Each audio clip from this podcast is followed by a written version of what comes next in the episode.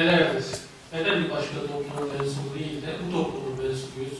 Bu bir iradi karar mıdır? Yoksa kendimizi içinde bulduğumuz, zaten içinde yaşadığımız ve öyle olmak zorunda kaldığımız tercih dışı bir durumu mu ifade eder?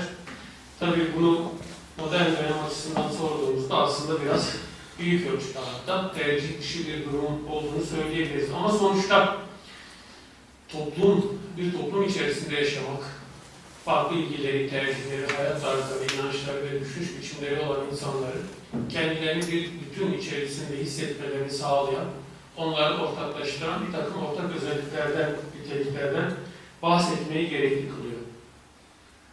Ee, Modern dönem açısından bunu sorduğumuzda bunun karşılığı şu. Biz milli bir toplumun üyeleriyiz. Biliyorsunuz Ermenileri biz e, Osmanlı Ermenilerini milleti sadıka ya da tebai sadıka olarak hatırlarız. Aslında sebebi şudur. Milliyetçilik dalgasının imparatorlukları çözücü etkileri karşısında Balkan toplulukları birer birer Osmanlı Devleti'nden koparken Osmanlı Devleti'nde Osmanlı Devleti'ne sadık kalmışlardır. Yani milliyetçiliğin etkilerine daha geç e, etkileri karşısında e, daha dayanıklı Osmanlı'ya daha sadık, daha sonra milliyetçiliğin etkilerini yansıtacak bir topluluk olduğu için en azından 19. yüzyıl başlarında ki e, ilk şehrindeki milliyetçi dalgaya kendilerini kaptırmadıkları için bizim tarihimizde onlara e, uygun görülen isim o dönem için Tebai Sadık Aygın. Ama daha sonra Ermeniler de kendilerini milliyetçi dalganın dışında tutamamışlardır ve sonuçta bildiğimiz olaylar meydana gelmiştir. Osmanlı Devleti bir ulus devlet olma sürecinde belirli Osmanlı modernleşmesini aslında böyle tanımlayabiliriz. Ee, Artık insanların kendilerini bir haledana bağlı olarak tanımladıkları dönemin yavaş yavaş geride kalmaya başladığını görüyoruz. Artık bir milliyete atıfla tanımlamanın kimlik haline geldiğini e, belirtmemiz gerekiyor. Ben tabii çok uzatmayacağım teorik, çok fazla teorik şeyler de söylemek istemiyorum. Daha çok belki bunu müzakere ortamı olarak değerlendirip katkılara ve e, e, sorulara açık hale getirmemizde e, yarar olabilir. Ama şunu söyleyelim, en azından e, milliyetçiliğin büyük ölçüde modern bir olgu olduğunu kabul etmemiz gerekiyor. Elbette tarihte milliyetçiliğe benzer aidiyetlerin, daha doğrusu asabiyetlerin varlığından bahsetmemiz mümkün ama bu son derece sınırlı. Mesela e, Beni İsrail böyle bir e, özellik gösterir. İsrail, İsrail'in çocukları e, bugün modern milletlerde gördüğümüz belli bir toprak parçası e, kendisini belli bir bütüne e, bu dinle de tanımlanmış olsa, mensup kabul etme, belli bir dili belki konuşma, belli bir kültürü devam ettirme ve bunu her ortamda asırlar boyunca paylaşma şeklinde ifade edebileceğimiz bir ben algısına sahip olarak var olan bir topluluk olduğunu söyleyebiliriz. Bu açıdan tarihte milletlerden farklı bağlamlarda, farklı kesitlerde söz etmemiz mümkündür ama genel olarak baktığımızda bunun modernleşme sürecinde e, sanayileşmiş toplumların homojen bir kültür ve eğitim ihtiyacını beraberinde getirdiği bir sonuç olarak ortaya çıktığını söylememiz ve bunun kapitalizmin gelişmesiyle ilişkisini kurmamız e, gerekiyor. E, bu açıdan baktığımızda artık e, milliyetçilik doğduktan sonra aslında bizim sahip olduğumuz etnik kimliklerin birer aidiyet olmaktan çıkarak kimliğe dönüştüğünü söylememiz gerekiyor. E, bu yüzden etnomilliyetçilik dediğimizde aslında bir e, zahit kavramından bahsetmiş oluyor. Çünkü bütün milliyetçilikler etniktir. E, eğer milliyetçilikleri etnik olan da olmayanlar açısından değerlendirirsek, etnik olmadığını düşündüğümüz bugün modern anlamdaki bütün milliyetçiliklerin de kaçınılmaz olarak az ya da çok etnik bir bileşen içerdiğini hatırlamamız gerekiyor. Bunun çok çeşitli örnekleri var. E, Amerikan milliyetçiliği için de bunu söz konusu edebiliriz. Japon milliyetçiliği içinde. E, sivil ya da e, siyasi boyutunun ağır bastığını, insanların hukukla tanımlanan bir kimlik içerisinde e, bir toplumun üyeleri olarak kabul edildiğini düşündüğümüz e, ortamlarda da aslında e, etnik bir birleşimin var olduğunu ve bunun şartlara bağlı olarak ortaya çıktığını biliyoruz. Sadece şunu zikrederek zihinlerimizi açmış olması açısından belirterek geçeyim. E, Birinci Dünya Savaşı'nda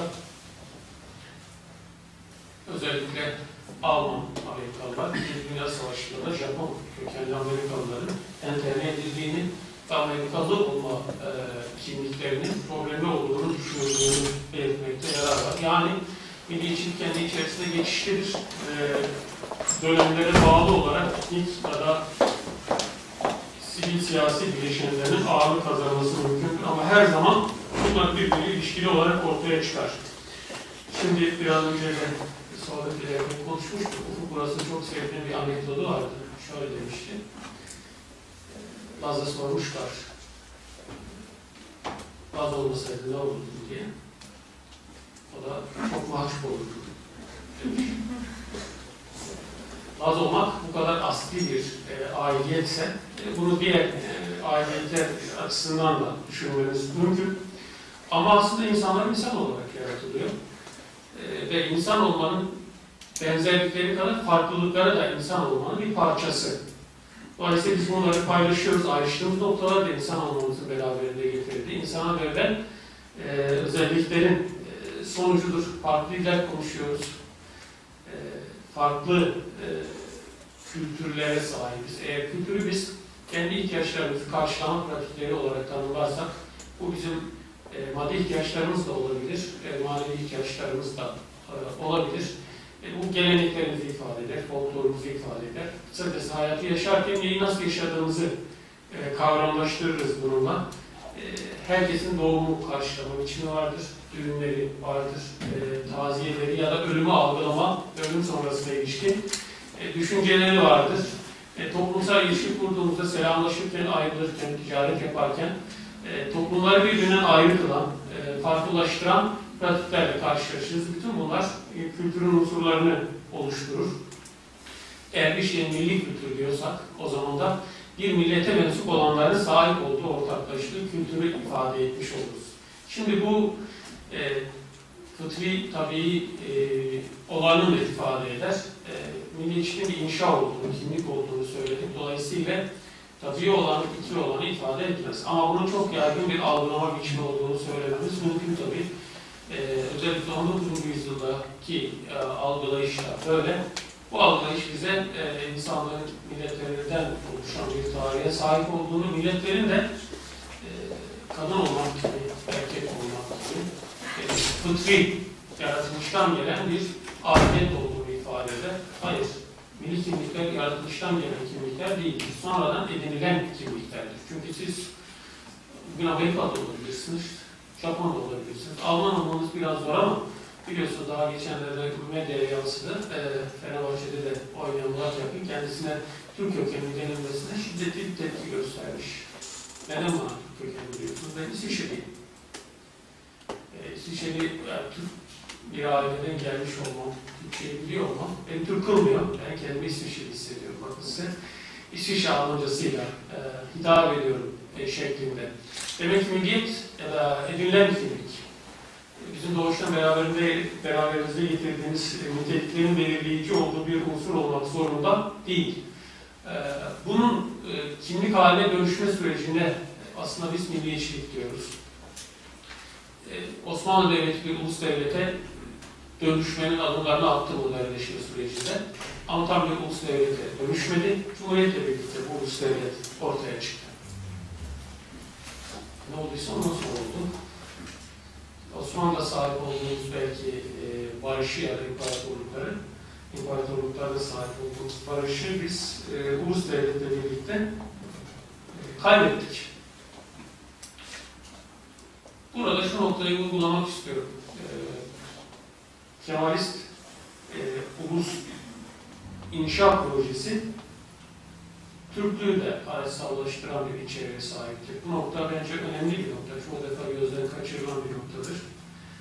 Ee, Kemalizm topyekun batılaşmaya esas alan, e, toplumu sekülerleştirmeyi amaçlayan e, ve devlet gücünü hukuk ve eğitim politikaları yoluyla ara kullanan bir modernleşme projesidir. Bu proje içerisinde e, büyük topluluk olarak görünen Türklerin Türkleştirilmesi söz konusudur. Çünkü Türkler de kendilerini Türk olarak algılamıyor. Kimlik anlamında Türk olarak al- algılamıyor. Aidiyet anlamında aynı dili konuşan insanlar her zaman var. Burada ayrıcı kriter olarak belki şu iki unsuru zikretmek gerekiyor. Bir, bizi yönetenler bizden olmalı.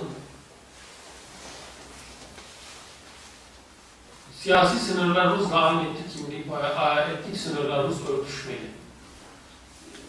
Daha önce bir Kürdün, bir e, Gürcü'nün ya da bir Laz'ın milliyetçilik öncesi döneminde böyle bir tasavvura sahip olduğunu görmüyoruz. Araplar için de söz konusu değil. Burası Arapların yaşadığı bir yer. Şu coğrafyanın e, sınırlarıyla Araplığa, Araplığın sınırları örtüşmeli. Burada Araplar yaşar. Arabistan diye bir yer varsa o Araplarıdır. Mısır Mısırlılarıdır, Türkiye'de Türklerinde. Ama önce Fransa Fransızlarıdır. E, bunu oluşturduk. Sonra bizi yönetenler de bizden olmalıdır. Bu iki önerme milliyetçiliği etnik aidiyetlerden ve etnik asabiyetten ayrıldığı temel iki noktayı oluşturur.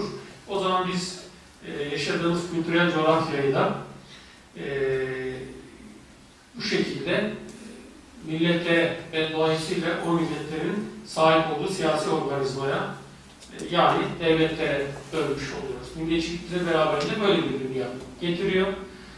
Dünya ulus devletlerden oluşuyor. Her ulusun aslında bir devlete sahip olması gerekmiyor. Bu noktayı da vurgulamak gerekir. Milliyetçilik ya da ulusçuluk. Ben daha çok belki ulusçuluğu tercih ediyorum ama e, ulusla ilişkili bir ideolojidir ve doğrudan devletle ilişkili bir ideoloji değildir. Çünkü ulusçuluk e, bir ulus olarak tanımlanan topluluğun kendisine ait özelliklerinin özgün bir şekilde korunabilmesini ifade eden ve bunu hedefleyen programatik bir ideolojidir. Dolayısıyla ulusun kendi ulus olma keyfiyetini koruyabilmesinin tek aracı devlet değildir. Ya da bir ulus devlet değildir. Ya da bir ulus devlete sahip olmak değildir. Nitekim Almanlar bir ulus devlete sahip olmadan Almanlıklarını oluşturmuşlar, e, korumuşlar, yaşatmışlardır ve bir Almanlık ortak faydasını bir araya gelebilmişlerdir. Onların ulus devletleri ulusu takiben ortaya çıkmış bir şeydir. E, bu da tabii ayrı bir e, konu, Buna çok fazla e, hani paragraf açmadan geçeyim burada. Burada vurgulamak istediğim şey, Cumhuriyete intikal eden kimlikler içerisinde milli kimlikler yok. En azından Müslümanlar açısından söz konusu ettiğimizde halk katında bu tür kimliklerin var olmadığını biliyoruz. Biraz Stop diye milliyetçilik araştırmaları açısından önemli çalışmaları olan bir COE'nin e, ulus inşaat, inşaat sürecinin aşamalarını tefrik ederken ortaya koyduğu tablo e, bence e, ufuk açıcı bir tablo. O da şu, milliyetçiliğin ortaya çıkması, milliyetçilik önce bir seçimler hareketi olarak başlar. Kültürel seçkinler önce o millete ait olduğu düşünülen dilin, folklorun, tarihin ürünlerini ortaya koyar. Dolayısıyla onun özgürlüğünü, farklılığını e, temiz eder. Bunun üzerinden bir siyasi kimlik geliştirilir. O da yine aydınlar katında ortaya çıkan bir şeydir ve eğer bu kitleselleşirse o zaman biz bir ulus devletten, e, ulustan bahsetmiş oluruz. Osmanlı Devleti'ne bu açıdan baktığımızda özellikle ikinci meşruiyet sonrasına e, her etnik grubun örgütlenmeye başladığını, kendi e, etnik kimliklerini kurduğunu ve aydınlar katında kendi milliyetçi bilincini oluşturduğunu görüyoruz. Bu Kürtler için de böyle, Araplar için de böyle. İkinci, ikinci meşruiyet sonrasındaki Mesih ve Musa'na bakarsanız Libya'yı temsilen e, bir Arap'ın değil de bir Türk'ün etnik olarak seçilmiş olmasının çok şiddetli bir tartışma konusu olduğunu, Arapların Türklerin nasıl temsil edebileceğini sorgulandığını görürsünüz. Dolayısıyla Arap milliyetçiliği de kendisini bu çerçevede ifade etmeye başlamıştır. Ama Osmanlı Devleti'nin bir ulus devlet olarak evrilmeye başladığını söyledik. Osmanlı 1876 Anayasası bunun işaretlerini taşır. Mesela 18. madde devlet hizmetine girebilmek için Türkçe bilmeyi zorunlu koşar. Ee, ve imparatorluğun tek dili olarak Türkçeyi bir anlamda tanımlamış olur ama e, İttihat Terakki iktidarı aldıktan sonra bununla yetinmez. Arnavutluk'ta Türkçe eğitim zorunluluğu var. Arabistan'da aynı şeyi yapmaya çalışır ve bu da karşı milliyetçi oluşumların çok güçlü bir şekilde hareketlenmesini tetikler. Arnavutlukları, Arnavutluk'un imparatorluktan kopan ilk Müslüman topluluk olması rastgele değildir ve sadece Arnavut milliyetçiliğin gücüyle açıklanabilecek bir durum da değildir. Ee, burada e, muhtemelen İttihat ve Terakki'nin uyguladığı Türkleştirme politikalarının rolünü de e, hatırlamak gerekiyor. Aynı şekilde e, Arap milliyetçiliğinde gelişen Türk karşıtı reflekslerin de e, kökeninde bu tür Türk, e, Türkleştirici e, ve Türk kimliğine ait olduğu kabul edilen Türkçe dahil olmak üzere unsurların e, zorunlu kılınmasına duyulan e, tepkiyi hatırlamak gerekiyor. Mesela Arap vilayetlerine Türk valide atanması artık problem olmaya başlamıştır. Çünkü milliyetçi bir algılamayla ona baktığımızda bunun o bölgeyi bilen, o bölgenin diline aşina olan insanlardan seçilmiş olması çok daha e, muhtemel veya göz önüne alınması gereken bir unsurdur ama tersi bir durum söz konusudur. E, vesaire. Cumhuriyete intikal eden miras bu açıdan ilginçtir. Osmanlı Meclisi Mebusanı'nın son e, görüşme konuları birinci meclise aile intikal eder. E, birinci meclise intikal eden ve 23 Nisan 1920'de açılan meclisin aşağı yukarı Nisan sonundaki konuşmalarında Mustafa Kemal Paşa'nın meşhur konuşmasıyla karşılaşırız. Türkiye Cumhuriyeti e, meydana getiren e, anasır sadece Türkiye'yidir, sadece Türkiye'yi az değildir. Aslında bu Meclis Mevzusu'nda devam eden bir tartışmanın e, oraya kadar devam eden e, sonucudur. E, kendiliğinden ortaya çıkmamıştır. Demek ki savaş yıllarında da biz sürekli bu konuyu artık tartışıyoruz. Osmanlı Devleti milliyetçiliğe yenik düşmüştür. Gayrimüslim topluluklar kendi ulus devletlerini oluşturarak imparatorluktan ayrılırken aslında e, bir Türk, e, bir Türk Arap Federasyonu'nun milliyetçi seçimler tarafından o dönemde çok sıklıkla dile getirildiğini de biliyoruz.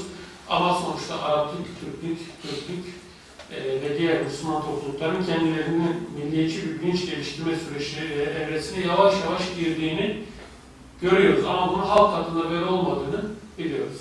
Buna başka örnekler eklemeye gerek yok sanırım.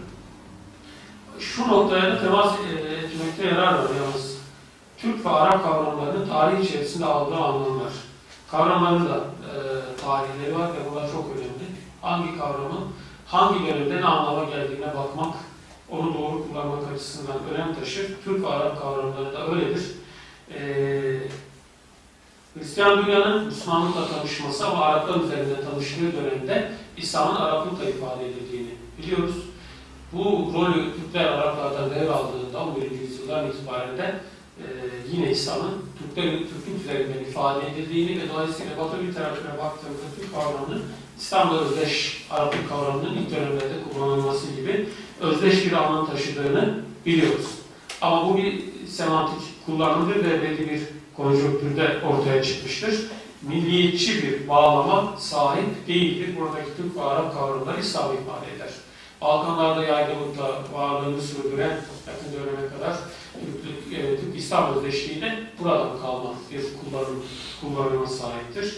Türk olmak, Müslüman olmakla özdeş anlama gelmiştir. Ama Cumhuriyet'le birlikte tabii ki bu değişmiştir. Cumhuriyet'le birlikte kurulan, e, oluşturulan e, pratik toplumun her türlü farklılıkların arındırıldığı. Bu farklılık kendi içerisinde cinsiyet farklılıklarının toplumsal cinsiyetin inşası açısından tabii ortadan kaldırıldığı, sınıf kimliğinin reddedildiği, hiçbir çatışma alanının kabul edilmediği, e, ulusal anlamda da tek bir ulusun var olduğu kabul edilen e, sivil toplumun olmadığı örgütlenme anlamda sadece devletin ve onun partisi olan e, Cumhuriyet Halk Partisi'nin var olabildiği bir toplumsal tasavvurun pratiğe dö- döküldüğü bir dönemdir. E, bunun e, örneklerini uygulamada ilginç şekilde görüyoruz. Şimdi Ankara'ya gidip baktığınızda e, tek parti döneminden kalma e, nelere rastlıyorsunuz? Bir büyük opera binasına rastlıyorsunuz. Adı şu anda Büyük Tiyatro ya da Opera Binası. Ama 1926'dan itibaren Darül Elham'ın kapatıldığını görüyorsunuz. Mustafa Kemal'in kendisi e, sanat müziğini sevmekle birlikte e, öğrencisiz bırakıldığını ve sanat müziğinin de aslında bir Ziyaetül Kalp'ten gelen bir refleksle Bizans'a mal edilerek Bizans müziği olarak nitelendirilmesinde, nitelendirilmesini beraberinde getirdiği bir sonuç. Sonrasında halk müziğinin de radyolarda çalınmasını yasaklandığını görüyorsunuz. Ee, yine paylaşayım. Sinan Çetin Mutlu Ol e, video filmi bu açıdan çok ilginçtir, öğreticidir. Ee, ama e, Batı müziğinin e, ve batılı batılı kıyafetin, batılı alfabenin, batılı ölçme biçme tartma e, unsurlarının, batılı zaman anlayışının ve takvimin e, Türk kavramlarıyla ifade edilerek e, bize yansıtılması ve bunun bir tür e, Türkleştirme olarak ifade edilmesi e, sanırım bize ait bir garabettir. Bu da e, Türkleştirme yoluyla batılılaştırma şeklinde kavramlaştırabileceğimiz bir oluşumu ortaya koyar. Türkleştirme batılılaştırmanın bir aracıdır. Bu da yerli yerlileştirme, yerli bir e, meşruiyet referansı oluşturma gibi bir kaygıyla ilişkilendirilebilir.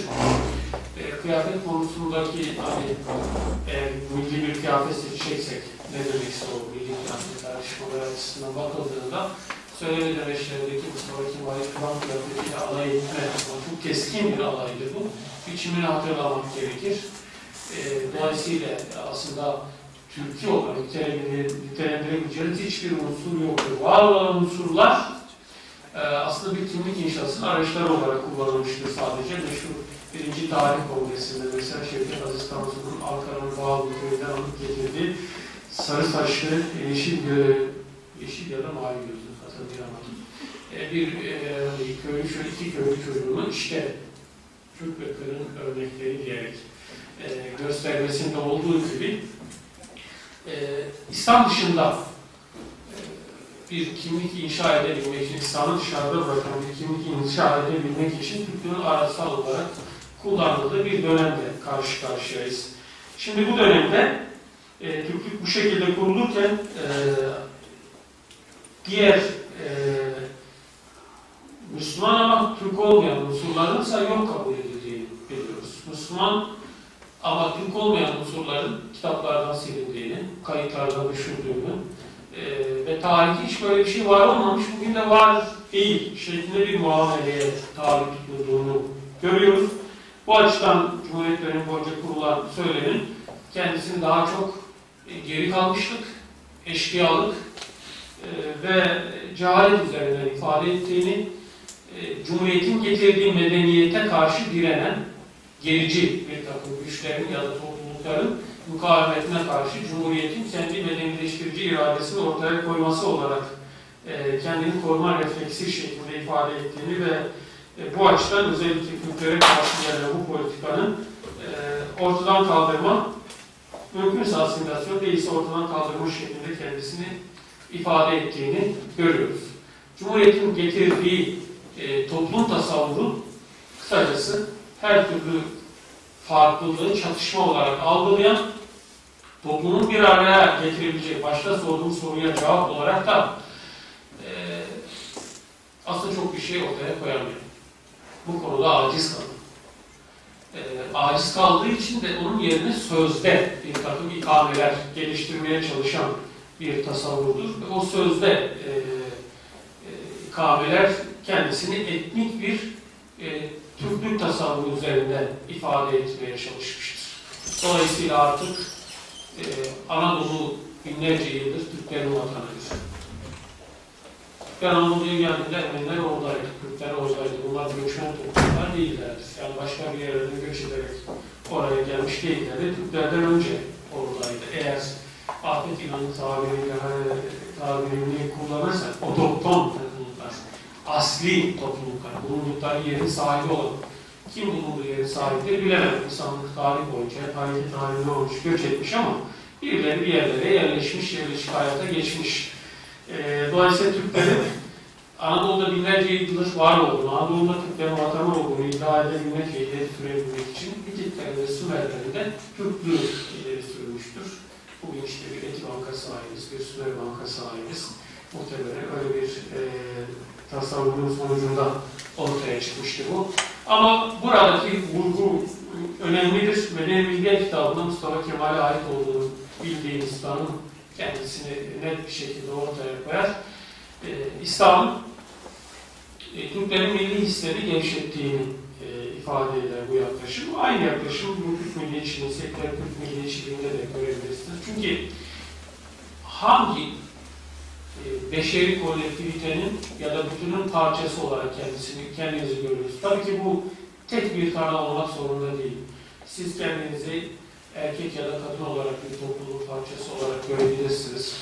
Ee, belki eğer futbolla ilgileniyorsanız bir takımın e, taraftarlarına e, oluşturduğu toplulukla da kendinizi ilişkili görebilirsiniz. Mesleki mensubiyetiniz itibariyle kendinizi bir sınıfa, mesleki sınıfa ait görebilirsiniz. Bunlar birbirini engellemez. Ama asli, e, aslilik açısından bir önceleme ya da sıralaması yaparsanız mutlaka e, belli kimlikler ya da ailede diğerlerinin önüne çıkacaktır. İnsan olarak eğer bütün insanların İslam fıtratı üzerine yaratılmış olduğu kabulünden hareket ediyorsak o zaman hepimiz Beni Adem'iz, Hazreti Ali'nin ifadesiyle yaratılıştan kardeşiz ama aynı zamanda hepimiz Abdullah'ız. Dolayısıyla İslam inancının beraberinde getirdiği bir topluluğun mensuplarıyız. Bunu da başka hiçbir bağ, e, ilişkilenme biçiminin ikame edemeyeceğini düşünüyoruz. Öyleyse bizim asli sadakatimiz o zaman e, bizim etnik kimliklerimizde ya da milli kimliklerimizde oluşmaz. Oluşmadığını varsayarız ya da öyle olması gerekir. Ama öyle midir? Bu milliyetçi sosyalleşme süreci elbette eğitim, hukuk ve günlük hayat yoluyla kendisini ifade etmeye çalışmıştır. Ama şunu da biliyoruz, sonuçta bu o zamanki var olan iletişim, ulaşım ve sosyalleşme imkanlarıyla sınırlıydı. Ee, evet, Kemalizm kendisini zora dayalı araçlarla kabul ettirmeye çalışmıştır. Ne yapmıştır mesela? Ofullah şapka giymedi mi? Evet, Hamid yazılısına opa bir top atışı yapılmıştı. Böyle bir halk türküsü armağan edilmişti bize o zamandan kalma. Atma Hamid'e atma, şapka da giyeceğiz, vergi de vereceğiz şeklinde. Ee, fakat milliyetçi sosyalleşmenin zaman içerisinde e, yaygınlaştığını e, ve bütün etnik topluluklara sirayet ettiğini görüyoruz biz. Burada şu kırılmaya işaret etmek gerekiyor aslında.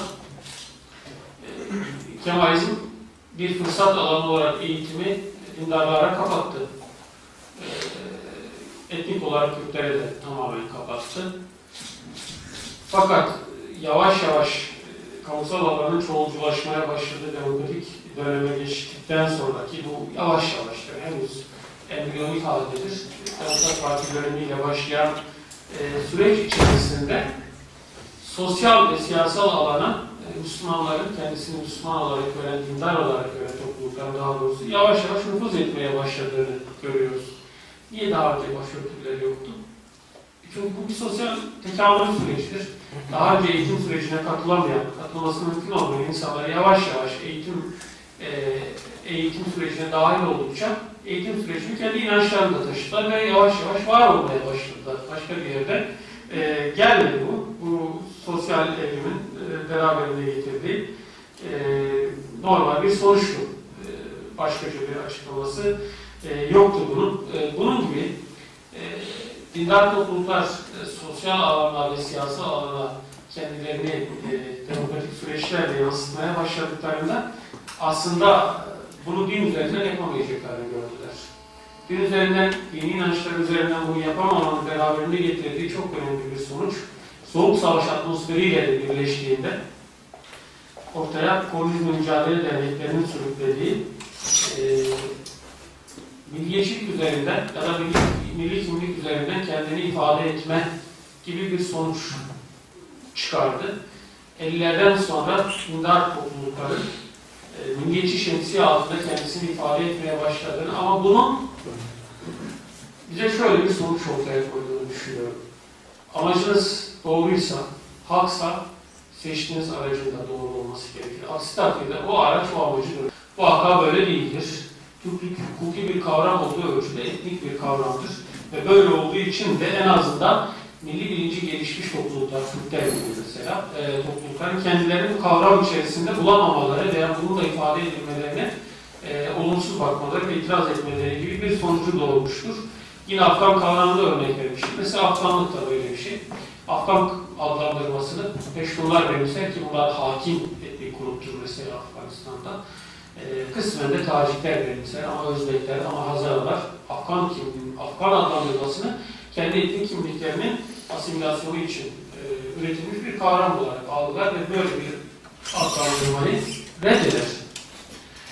E, dolayısıyla bir kimlik olabilmesi açısından e, etniklikten e, arındırılmış olması gerekir. Cevap Arbatsa Osmanlı Devleti ilk olduktan sonra Otobü'de kurulan etnik referansı tek devlet olduğunu söyler Türkiye Cumhuriyeti adlandırmasının ve dolayısıyla o beraberinde gelen e, Türk kavramlaştırması. E, bu tartışmalara bu açıdan baktığımızda Türkiye'de yeni anayasa sürecinde de e, toplumsal yansımaları açısından da bunun e, çok temel bir e,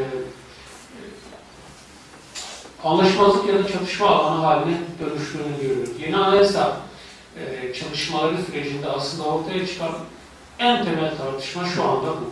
E, din ve vicdan hürriyetinin, tanımının ya da nasıl bir din devlet ilişkisi oluşturması gerektiğine ilişkin bir uzlaşma alanının varlığından kısmen söz edebiliyoruz. Kısmen söz edebiliyoruz ama e, vatandaşlık, kimlik e, politikaları konusunda e, çok ciddi bir kutuplaşmanın var olduğunu görüyoruz. Bu kutuplaşma tabii ki e, hem toplumsal e, bir kutuplaşmayı tetikleyebilme potansiyeline sahip. E, bu açıdan e, etnik farklılaşmanın aslında toplumsallaşmadığını söylersek kısmen doğru söylemiş oluruz. Çünkü yatay ve dikey açıdan bunu değerlendirmek gerekir. Devlet toplum ilişkileri açısından çok ciddi bir çatışma alanı halinde bunun varlığını sürdürdüğünü ama özellikle AK Parti hükümetleri döneminden sonra aslında büyük ölçüde bu konuda e, bazı e, adımların atıldığını söylememiz gerekiyor. E, bunları somutlaştırırsak e, şöyle ifade edebiliriz. Bir, Türk kavramlaştırmasının hukuki olmasa da meşru hale biliyoruz. Türkçenin kullanılmaya başlandığını, e, Türkçe için yeni serbestiyet alanlarının ortaya çıktığını, üniversitelerde Türkoloji, Türk Dili ve Edebiyatı bölümlerinin açıldığını görüyoruz. Dolayısıyla kişilerin kendilerini Türk olarak adlandırmaları, e, Kürtçe konuşmaları büyük ölçüde bir problem olmaktan çıkmış görünüyor. Şimdi bazı şeyleri tarihe baktığınızda bulamıyorsunuz. Bu ilginç bir şeydir. Çünkü bunlar e, idari olarak gerçekleştirilmiş, zabıta tedbirleriyle gerçekleştirilmiş eylemlerdir. Mesela Türkçe dışındaki dillerin e, kamusal, kamusal resmi anlamda kullanıyorum ve sokaklarda kullanılması, yasaklanması. E, Vatandaş Türkçe Konuş kampanyası Yahudi topluluğu hedef alır e, ve gemiler dahil her türlü toplu taşıma araçları ve sokaklarda Türkçe dışında bir dilin kullanılmamasını ister. Aynı şeyin Arapçanın konuşulduğu, Türkçenin konuşulduğu bölgelerde de yapılmıştır ve e, kesinlikle idari tedbir ve bu dillerin sokakta da işiniz varsa nüfus memurluğunda ya da mahkemeye yolunuz düşmüşse ya da tapu memurluğuna gitmişseniz kendinizi hiçbir şekilde Kürtçe ya da Arapça ifade etmeniz mümkün değildir. Çünkü bunlar yasaklanmıştır. Oysa hatırlayalım Lozan Anlaşması aslında bu dillerin e, yargıda kullanılmasına cevaz veren bir içeriğe sahiptir. Diğer alanlarda olmasına ilgili bir şekilde. Dolayısıyla bu dillerin e, ana dil olarak kullanılması yasaklanmıştır. E, bu yasaklar önemli ölçüde e, geride bırakıldı. Türkiye bu açıdan daha çoğulcu bir zemini yakalayabilmiş durumda ama şiddetle siyasallaşan bir kimliğin normalleşmesi e, çok kolay değil. E, çok kolay olmadığı için bunun zaman zaman toplumsal e, yansımaları olabiliyor. E, şehit cenazelerinin mesela böyle bir çatışmaya vesile kıldığını biliyoruz. Başka neyi biliyoruz? Etnikleştirme diyebileceğimiz aslında etnik olmayan ama çatışan çıkarların etnik aidiyetler üzerinden ifade edilmesinin e, maalesef e, rantının daha yüksek olduğu durumlarda bu çatışmaların üretildiğini görüyoruz. İnegöl'deki yakın zamanda yaşadığımız çatışma, Trakya'da birçok yerde yaşadığımız, İzmir'de Urla'da yaşadığımız, Çanakkale Bayram işte Edirne'de yaşadıklarımız aslında bunların çoğunun etnik nitelik taşımadığını, adi ya da ekonomik kaynaklı çatışmalar olduğunu ama etnik renge büründürülerek toplumsallaştırıldığını ve belli e, siyasi ya da ideolojik grupların bundan ciddi şekilde rant elde ettiğini söyleyebiliriz. E, dolayısıyla bu toplumsal çatışma alanlarının yatay hale gelmesi, toplumdan topluma ya da toplum içerisinde çatışma, yeni fay hatları oluşturması açısından e, bir potansiyele sahip olduğunu görüyoruz ve bu potansiyelin zaman zaman maalesef e, reel hale geldiğini de e, gözlememiz mümkün. Ama hiçbir zaman kitlesel bir Türk-Kürt-Arap çatışmasının olmaması sırf bu kimlikler temelinde e, çok önemli bir noktaya işaret ediyor hakikaten. E, burada iç içe geçmişlik de büyük önem taşıyor. Türkiye nüfusunun yaklaşık yüzde dördü etnik açıdan karma evlilikleri temsil ediyor. Bu da yaklaşık 3 milyon civarında, 3 ya da 4 milyon civarında nüfusa e, tekabül ediyor. Bu ciddi bir rakam.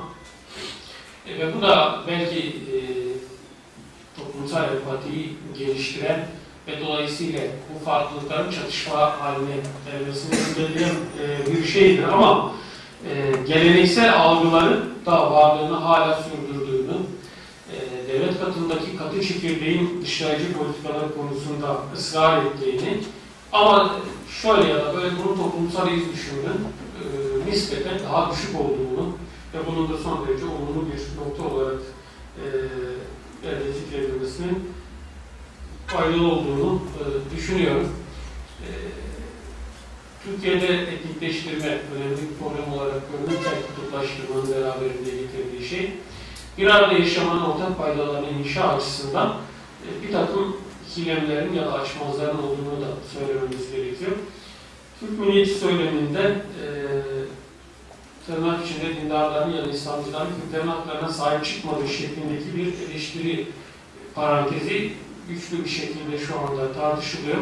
Bu kısmen doğruluk içeren bir eleştiridir. Kısmen doğruluk içeriyor çünkü e, çok güçlü bir milliyetçi sosyalleşmenin Kürtlük dışında bir etnik kimliğin varlığını kabul etmeye açık olmadığını, dolayısıyla Kürtlük üzerinden kendisini ifade eden her türlü unsurun dış kaynaklı, kökü dışarıda, yabancı, e, kötü emeller besleyen karanlık emelleri olan hareketler olarak değerlendirildiğini, Kürtler için üretilen toplumsal klişelerden hareketle de bu kimliğe meşruiyet atfedilmediğini biliyoruz.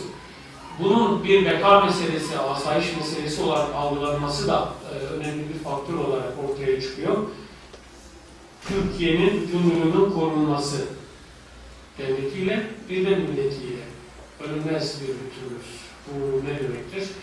Devletiyle bölünmez bir bütün olmak işte Türkiye Cumhuriyeti Devleti'nin sınırlarının değişmezliğini ifade ediyor. Bu sınırlar bu kadar değişmezlik atfedip onları kutsallaştırmak gerekir mi? Bilmiyorum ama şunu söyleyeyim. Biz misak-ı milli diye bir şeyden bahsediyoruz. Misak-ı milli sınırları, mevcut sınırlar iki katıdır. İki katıdır. Ee, daha bu, ya, bu başka bir şey ima etmiyor. Sadece bu sınırlara kutsallık atfetmemek gerekiyor. Yine Sinan Çetin'in Proparda filmini hatırlayın.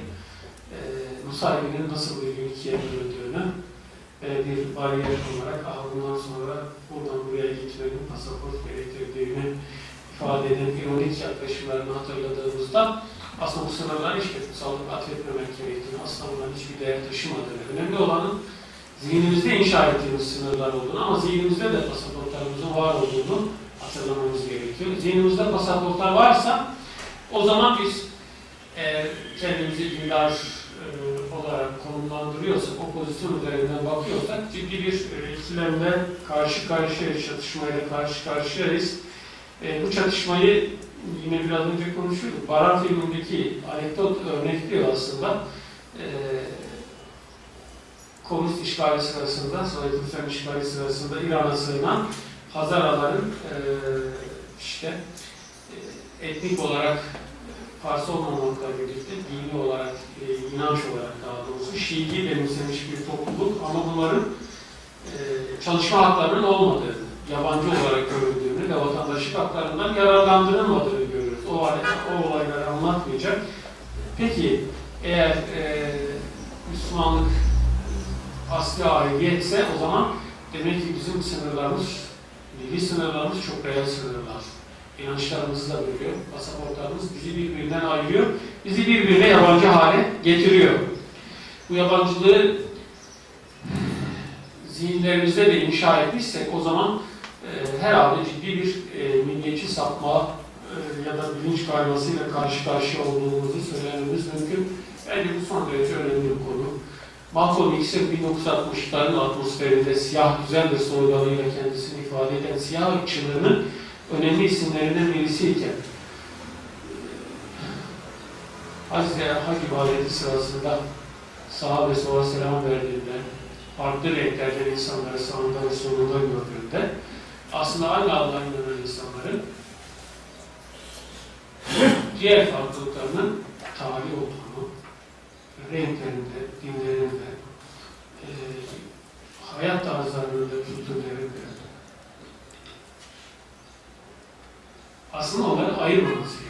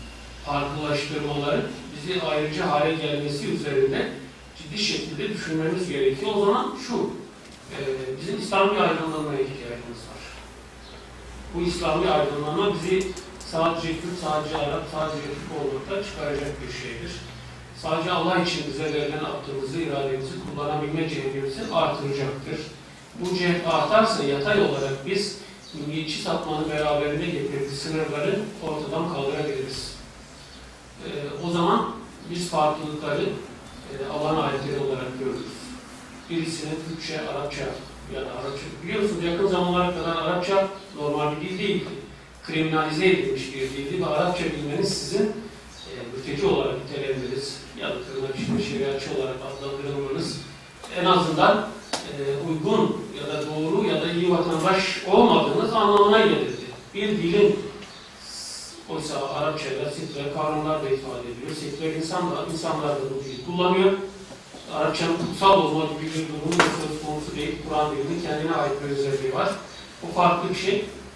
Bu şekilde e, krimin, kriminalize edilmesi aslında milliyetçinin doğurduğu, beraberinde getirdiği sonuçların e, ne kadar yıkıcı olduğunu gösteriyor. E, iki ilginç şey söyleyeyim mesela bu açıdan. Milliyetçiliğin e, dini sosyalleştirmesi ya da biçimlendirmesi açısından Gebze'de bir medrese hocasıyla karşılaşmıştım. Dedi ki, Hazreti İbrahim Türk'tür dedi. Çünkü o Türkçe konuşuyordu, Türkler babası dedi.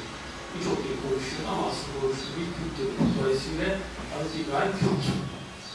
Ee, malum Hazreti Peygamber'in Türklüğünden söz edenler var. Şemsettin Günaltay tırnak içinde ikinci meşhur sonrası İslamcılarından biridir ama tarih kongresi Hazreti Peygamber'in efendim, e, Türklüğünden bahseder. Çok uzak değil. Mahmut Kemal Zeybek de daha yaşayan birisi. Hazreti Peygamber'in Türklüğünden bahsedebilen birisi. Bir peygamberin Türklüğü ya da Araplığı neden önemlidir ya da Türklüğü? Bir peygamberi eğer biz etnik kimliği üzerinden algılama gibi bir duruma gelmişsek o zaman bizim pozisyonumuzun asli varoluşsal pozisyonumuzun hiçbir anlam ifade etmediğini düşündüm. Etnik aidiyete onun üzerinden ortaya çıkan gösterenlere dönüştürüyor. Elbette bir anlam ifade ediyor. Allah'ın birer ayeti çünkü biz dillerin nasıl çeşitlendiğini açıklayamıyoruz. Bu muhteşem bir şey. Çok muhteşem bir şey. İnsanların folklorları, folklorlarının farklı olması, mutfağının farklı olması, yatıp kalkmasının farklı olması, biraz önce ifade ettiğim kültürün maddi ve maneviyatın unsurlarının çeşitlenmesi çok muhteşem bir şey. O çeşitlilik içerisinde birliği görebilmek, fark edebilmek ve onun tevhidle ilişkisini kurarak değerlendirebilmek mutlaka çok güzel ve bir marifet yolu. Ama bizim bunu bir marifet yolu olmaktan çıkararak biz birbirimize düşman hale getiren, ötekileştiren kimlik araçlarına dönüştürmemiz kabul edilemez. İşte Türkiye'de Müslümanların bence karşı karşıya olduğu, sadece Türkiye'de değil tabii, diğer coğrafyalarda da bu böyle. Ve milliyetçi sosyalleşmenin beraberinde getirdiği tortuların e, bir farkında olmamak, iki yeterince hesaplaşamamak. Üç, bunun sonucunda da ortaya çıkan problemlere bu milliyetçi e, gözlükle bakma alışkanlığımızı maalesef sürdürmek. E, bütün bu unsurları bir araya getirerek baktığımızda o zaman e, vaz olmasaydık mahcup olmamamız gerekir. Çerkez'den ölürüz. Bundan da yine mahcubiyet duymayız ama ölmeyiz de. Çünkü bunlar ne övüş ne de mahcup olma, yani ne övüş duyulacak ne de mahcup olacak aidiyetlerdir. Bunları normal yerine taşımamız gerekiyor.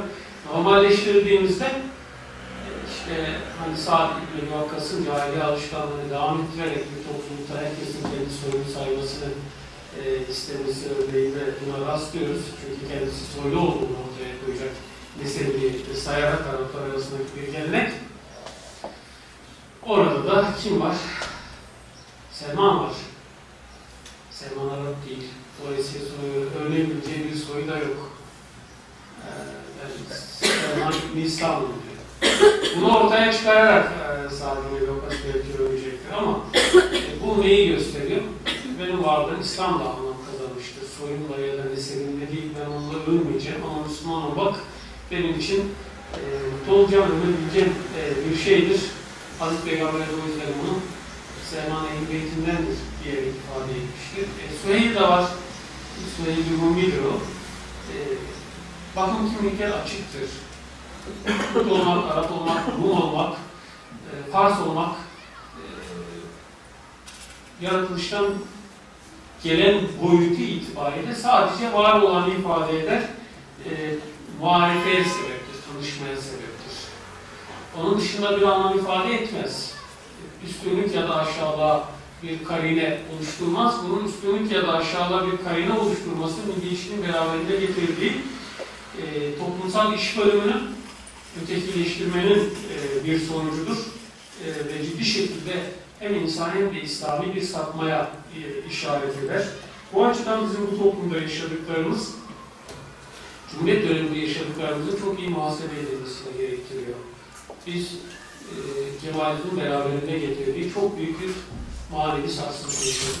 Bu manevi sarsıntı hem zihinlerimizde hem kalplerimizde ciddi izler, fay hatları, kırıklar bıraktı. Bu kırıkları önce doğru tespit etmemiz gerekiyor. Sonra o kırıklar üzerinden e, nasıl onları depreme dönüştürmeden e, tamir etmemiz gerektiği üzerinde ciddi şekilde kafa yormamız gerekiyor. Aksi tarafıyla o zaman e, normalleşmediğinde siz İslam üzerinden bir güçlük tezahürüyle karşılaşırsınız. Kürtlük hamiyetini ve İslam sahibetini aynı sebeple bir arada götürmeye çalışan ve bunun da gerekli olduğunu düşünen hareketler en azından Kürtlük ve İslamiyet arasında bu ilişkiyi kuranlar kadar normal bir nitelik kazanır. Oysa Türklük ya da Kürtlük üzerinden ya da Araplık üzerinden bu kimlikleri kurduğunuzda bunları siyasallaştırmış olursunuz. Türk ve İslam sentezinde olduğu gibi. Oysa İslam hem varoluşsal temel kimlik unsurumuzdur. Neyle sentez edebilirsiniz ki? Türklük bir kimlik unsuru olarak İslam'ın özdeş ya da bir niteliğe sahip olsun ve siz bunun sentezinde bahsettin ki böyle bir şey nasıl kabul edilebilir ki?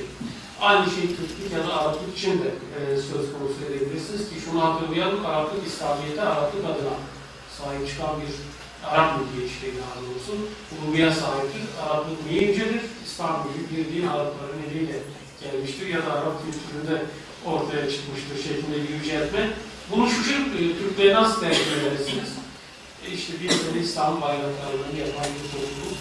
İslam'a hizmet ettim diye sevinebilirsin ama İslam'a ben hizmet ettim. Dolayısıyla İslam benim sayemde var bir şeklinde dönüşürseniz onu milliyetçi e, bağlama taşımış olursunuz ve bu milliyetçi bağlam o, onun bütün olumluluklarını ortadan kaldırır. E, çok daha fazla devam etmeden ben soru ve cevaplara e, geçeyim diye düşünüyorum. E, sonuç itibariyle etnomilliyetçilik dediğimizde sadece Türk milliyetçiliğinden bahsetmiyoruz. Türkiye üzerinde konuşursak hem Türk hem Türk milliyetçiliğinden bahsetmemiz mümkün. E, tüm milliyetçilikler etnik de dedik ve giderek de eğer gerçekten milliyetçi bir görüşe ya da sahipseniz bütün meseleleri bu açıdan değerlendirebildiğinizi, bu açıdan değerlendirdiğinizde e, birçok şeyi kriminalize ederek güvenlik meselesi haline dönüştürdüğünüzü ve Cumhuriyet döneminde ortaya çıkan e, Kemalist e, projenin farklı olarak ya da olmayarak ayaklarından biri olma gibi bir konuma düştüğümüzü düşünüyorum. Açıdan bu muhasebenin çok temel bir muhasebe olduğunu ve bizim çevremizde olup bitenlerle ilişki kurmamız açısından da temel bir stratejik değere sahip olduğunu düşünüyorum. E, Ben burada tabii çok e, şimdi de sorun varsa e, soru veya eleştirilerinizi katkılarınızı almak isterim. Teşekkür ederim. Hocam teşekkür ederim. Çok güzel sorduğunuz için. Ee, temel problemimiz aslında bu seviye çatısı altında yaşamak. Yani İslam İşbirliği Teşkilatı ile e, Türklüğün ulus devlet mantığı üzerine şekillendiğine hesaba kattığımızda aslında çatışmanın boyutunu ne tarafa evrildiği ve gerilimlerin çok daha içsel düzeyde gerçekleştiği aşikar bir durumda. Fakat e, bu noktada günümüzde birazcık daha karşılaştığımız bir mevzuya, Cumhuriyet'in kuruluşundan e, bir süreçle gelmek istiyorum. E, batılılaştırmayı, e, özür dilerim, Türkleştirmeyi batılılaşmanın bir aracı olarak kullanıldığını ifade etmiştim. Yani aslında e, Türkleştirme politikaları bir bakıma etnik kimliği e, farklı olan değil. Yani batı. Türkleştirme politikaları Kemalist rejimin makbul vatandaşı bulma, makbul vatandaşı meydana getirme arayışında bir tanımlama girişimiydi. Nasıl ki geçmişte Türk belki İslam, Müslüman e, anlamını Batı nezdinde birazcık kazandırmışsa, e, Türk şeyini duyduklarında, e, algısını veya sesini duyduklarında o artık etnik kimlikten öte bir Müslümanı canlandıracak bir konumdaysa, Kemalist rejimin bu Türkleştirme politikalarında batılı bir insanı, batılı bir e, bu topraklarda yaşayan batılı uygun bir adamı ya- e, yaratma hikayesiydi. Bu çerçevede e, Kemalist rejimin o politikaları sadece ülkenin belirli coğrafyasında yaşayan e, ziyade aslında etnik olarak Türk olana da yani e, onları- dönüştüren. Yani geleneğe karşı bir mücadeleydi. Onu ortadan kaldırmaya yönelik ve aslında ciddi şekilde seküler, sekülerleştirmeydi. E, bu çerçevede yukarıdan bir şekilde bunu yapmaya çalıştı. Bugün baktığımızda ise artık e, özellikle muhafazakar kesim arasında hem Türkçü hem de Kürtçü kimselerin ortaya çıktığını yani dini Kürtçülük üzerinden ve dini Kürtçülük üzerinden tanımlayan yani bir bakıma İslami Türkler ve İslami Kürtlerin tezahür ettiğini görüyoruz. İşte bu çerçevede yani aslında başlangıçta tamamen e, batılaştırma üzerinden bir uygulanmış olan Türkleştirme politikaları varken bu noktada ikisini farklı şey yapan, e, gruba iten ve tamamen kendilerine yönelik bir yeni tanımlandırmaya e, getiren o algı hangi gerilimi veya hangi kırılmanın sonucunda bu toplumda tezahür etmeye başladı? Bugün biz bu sorunu yüzleşiyoruz. Evet. Artık e, milliyetçi kimliğin toplumsallaşmasında ve bunun Türk Kürt kimlikleri şeklinde kendisini ifade etmesi gibi bir durumdan e, söz ediyoruz. Bu tabi İslam'la birleştiğinde kendi içerisinde bir çatışma alanı ortaya çıkarıyor. Fakat e, ilginç e, meşrulaştırma mekanizmaları ya da tekniklerinden bahsedelim. Şimdi e, asimilasyon politikalarına muhatap olan ya da etnik şiddete bir şekilde etnik şiddetin sonuçlarını yaşayan, onlara olumsuz etkilenen insanların e, kendisini daimi haklı pozisyona e, sokarak milliyetçiliğe atfedilebilecek olumsuzlukların kendi milliyetçilikleri açısından varit olmadığı gibi bir kanaate ulaştıklarını ben görüyorum. E, Bunu şu tepkilerden de gördüm. Mesela Diyarbakır Özgürler'in düzenlediği Kürt sorunu konusunda milliyetçiliğin bu olumsuzluklara ilişkin e, ortaya koyduğu yaklaşımlara bir e, dinleyicinin tepkisi şu olmuştu. Bu Kürt, Kürt, Kürt milliyetçiliği açısından söz konusu değil.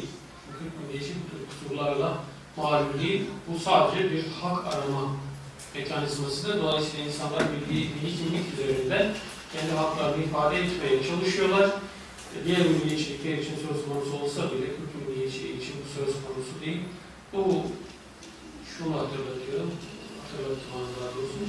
E, Marksist jargondaki ezen e, ulus milliyetçiliği ile ezilen ulus milliyetçiliğinin birbirinden farklı olduğu, ezilen ulus milliyetçiliği meşru, diğer birisi kapitalizmin hegemon yarışlarından birisi olduğu şeklindeki yaklaşımı e, hatırlatmıştı bana.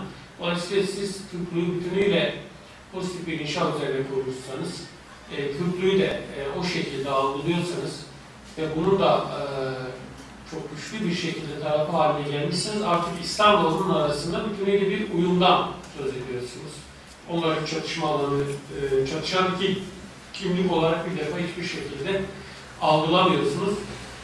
Böyle algılamadığınız için de rahatlıkla İslam'la Kürtlüğü, İslam'la Türklüğü bir araya getirerek İslam'ın Türklük üzerinden e, ya da Kürtlük üzerinden ifade edebiliyorsunuz. E, bu atfettiğiniz değere bağlı. Türk meselesi şu anda o meseleye muhatap olan insanlar açısından eğer çok çok önem taşıyıcı bir noktaya gelmişse ve bunun kolektif bir kimlik üzerinden e, ifade edilmesi söz konusuysa o zaman Kürt milliyetçi, e, Kürt İslamcı çizgisi diyebileceğimiz bir çizgi ortaya çıkıyor. Giderek siyasallaşan ve toplumsallaşan bir niteliğe sahip. Biz Kürtüz. Dolayısıyla bizim e, muhatap olduğumuz olumsuzluklar sadece İslam üzerinden kendisini ifade eden olumsuzluklar değil, aynı zamanda bizim kültürümüze dönük olarak kendisini ifade ed- eden olumsuzluklardır. Biz de kendimizi Kürt İslam üzerinden ifade ederek olumsuzlukları ortadan kaldırmaya çalışacağız şeklinde. E, Türk İslam e, kimliği açısından düşündüğümüzde de e, eğer gerçekten bir çatışma varsayılmıyorsa e, bu milliyetçi sosyalleşmenin beraberinde getirdiği Türklüğü o kadar e, normalleştirme, e, eşyanın tabiatı gibi görme ve belirli bir durumun zaten e, yansıması olarak değerlendirme gibi bir yaklaşımın e, kendi içerisinde çelişkiyi ortadan kaldırdığı gibi bir sonuca ulaşıyor. Yani bu unsur asli fikriyle de aslında biraz ilişkili bu toprakların, bu ülkenin, bu toplumun sahibi biziz. Dolayısıyla buna biz sahip çıkmak zorundayız. Biz Müslümanız ama. Bunu İslam üzerinden de e, yaparız ama bunun dışındaki kimlikler buna zarar veren, buna karşı çıkan arasal kimliklerdir. Onlar bu toprağa ait değildir. Onlar yerli değildir. Onlar yabancıdır. E, dolayısıyla e, bizim bu toplumu ve devleti o kimliklerin varlığından korumamız, koruyabilmemiz gerekir. Tabii çok net bir cevap değil bu. Benim zihnimde de çok net olarak oluşabilmiş değildir ama bir şekilde milliyetçilikten etkilendiğini düşündüm. Milliyetçilik de e, muhasebesini sağlıklı bir zemine oturtamamış dindar insanların rahatlıkla kendilerini Kürt ya da Türk kimliği üzerinden ifade ettiklerini ve bunu da din kimlikleriyle bağdaştırdıklarını e, görüyorum. E, aslında aradaki çatışma alanını hem e, varoluşsal anlamda hem de aslında etik anlamda fark edemediklerinde e, bunun çok da gerekli olmadığını, çok da anlamlı olmadığını, kendi içerisinde ciddi çelişkiler barındırdığını görebilmeleri mümkün. Ama saflaşma, kutuplaşma e, ve biraz saptırıcı bir e, kamu e, oyu içerisinde insanların bu çizgiyi benimsemekte çok e, hani zorlanmadıklarını söyleyebilirim. Ama yine de bunun ciddi bir tartışma konusu olarak devam etmesi gerektiğini düşünüyorum. Çünkü bu süreç devam ediyor. Kendisini kültür üzerinden ifade eden imdat toplulukların varlığını e, nasıl, neye tekabül ettiğini mesela iyi değerlendirmek gerekir. Bu Türk Hizbullah için de söz konusu. Hizbullah dışında kendisini konumlandıran ama yine kültür üzerinden ifade etmeye çalışan e, dindar kesimler için de e, geçerli. E, şu anda bir anlamda devlet gibi e, son derece güçlü, buyurgan bir e, güç karşısında, bir faktör karşısında muhalefet, muhalif pozisyonda olmak e, bir tatmin veriyor gibi, bir meşruiyet sağlıyor gibi görünse de aslında ondan bağımsız olarak bakılabildiğinde bu tatminin aldatıcı olduğu e, görülebilecektir. Çünkü e, sizin kendinizi konumlandırdığınız nokta devlet karşıtı ya da şu karşıtı, karşıtı olmak durumunda değil. Seküler olanı iyi teşhis etmeniz gerekir. Seküler olan kendisini devlet politikalarında da koyabilir. Devlet dışı örgütlü güçlerin politikalarında da koyabilir. Her ikisine de aynı ölçüde hassasiyet göstermeniz e, ya da en azından farkındalığa sahip olmanız gerekir. Ama bu yaşanan ortama ve konjonktüre bağlı olarak maalesef değişiklik gösterebiliyor.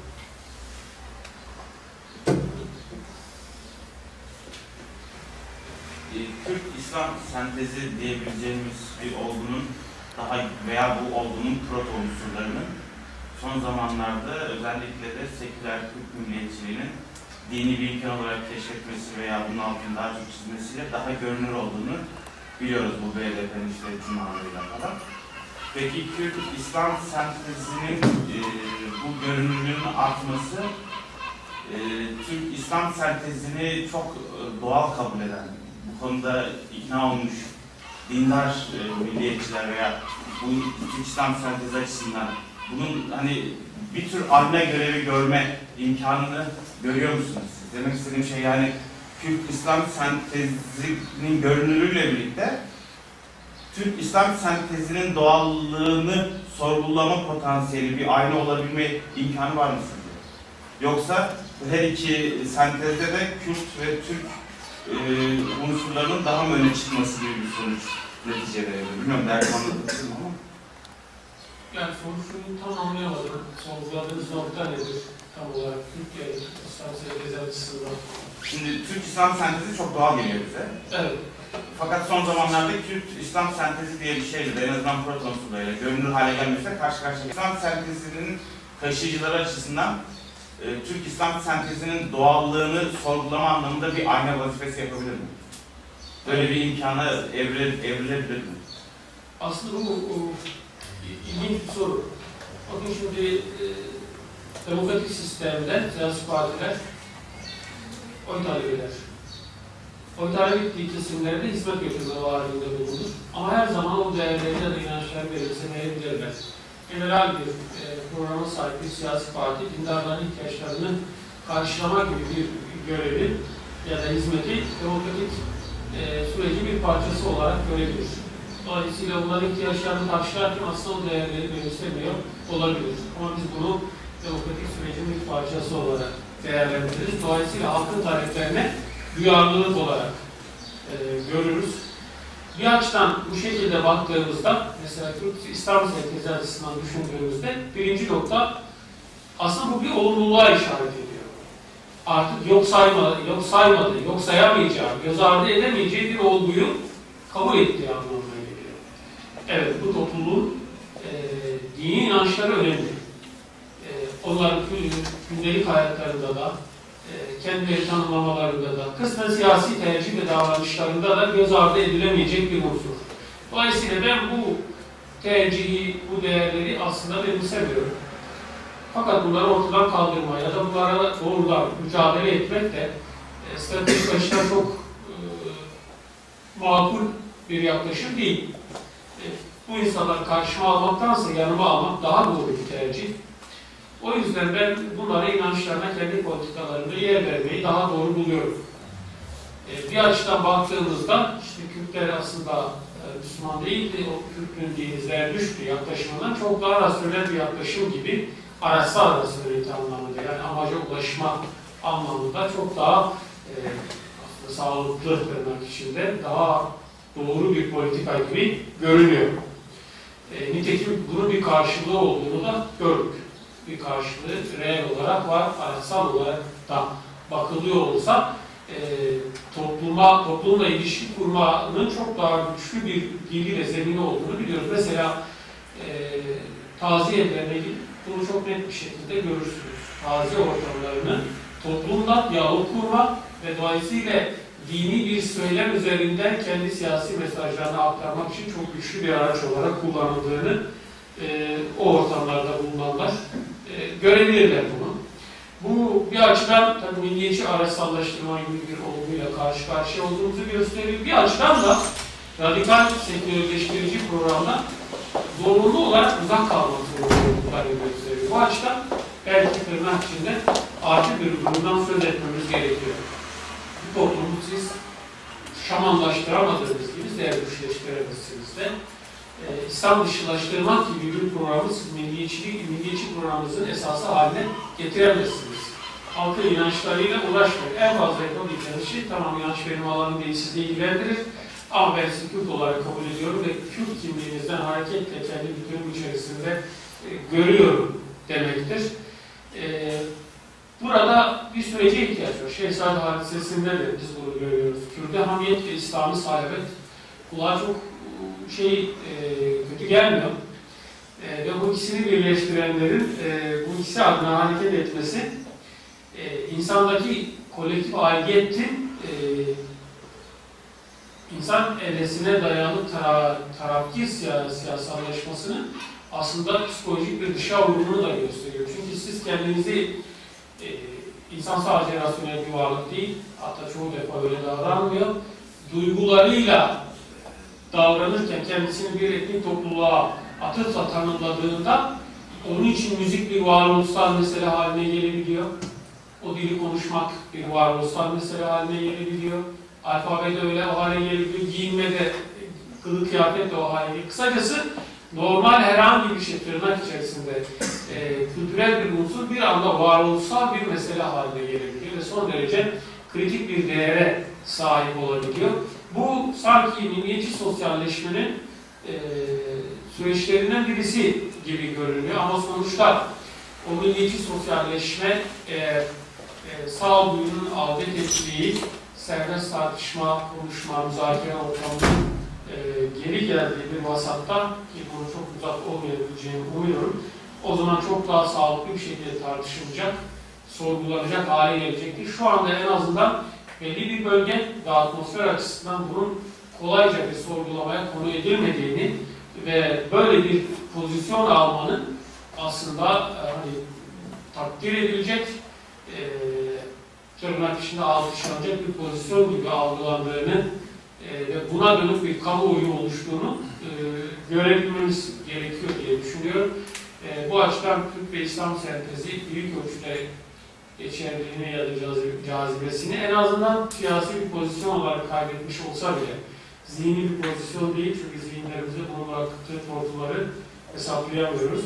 Ee, Kürt ve İslam sentezi şeklindeki bir pozisyonu yavaş yavaş ama güçlü bir kanal olarak ortaya çıktığını ve bir süre varlığını bu şekilde devam ettirebileceğini sanıyorum. Ama konjonktürel olarak baktığınızda milliyetçi hareketin kendi içerisinde çeşitlenmesi açısından bu önemli bir aşama.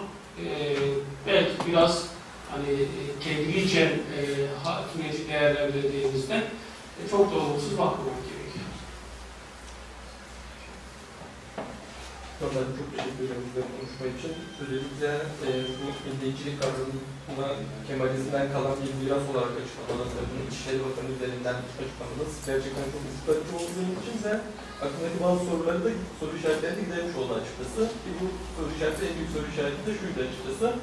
Hatırlarsınız geçen günlerde Bülent Arıcı'nın çıkıp Türkçe bilmediği dedim ki yani ben açıkçası Medeniyet Fakültesi okuyan bir öğrenci olarak söylemekte haklı olduğumu şımarık ıslıbını o yani bizde bu medeniyet terazisinde tartması, o çıkışını da ya bu şekilde e, zihnimi biraz daha çözmüş oluyorum. Hani e, Kemalizmden kalan bir miras sadece tırnak içinde sadece solcular üzerinde değil, bizim dindar olarak kabul ettiğimiz dindar siyasetçiler üzerinde de belli ki bir miras olarak kalmış. Bunun en açık deliliği de Bülent Arıçı'nın o çıkışı.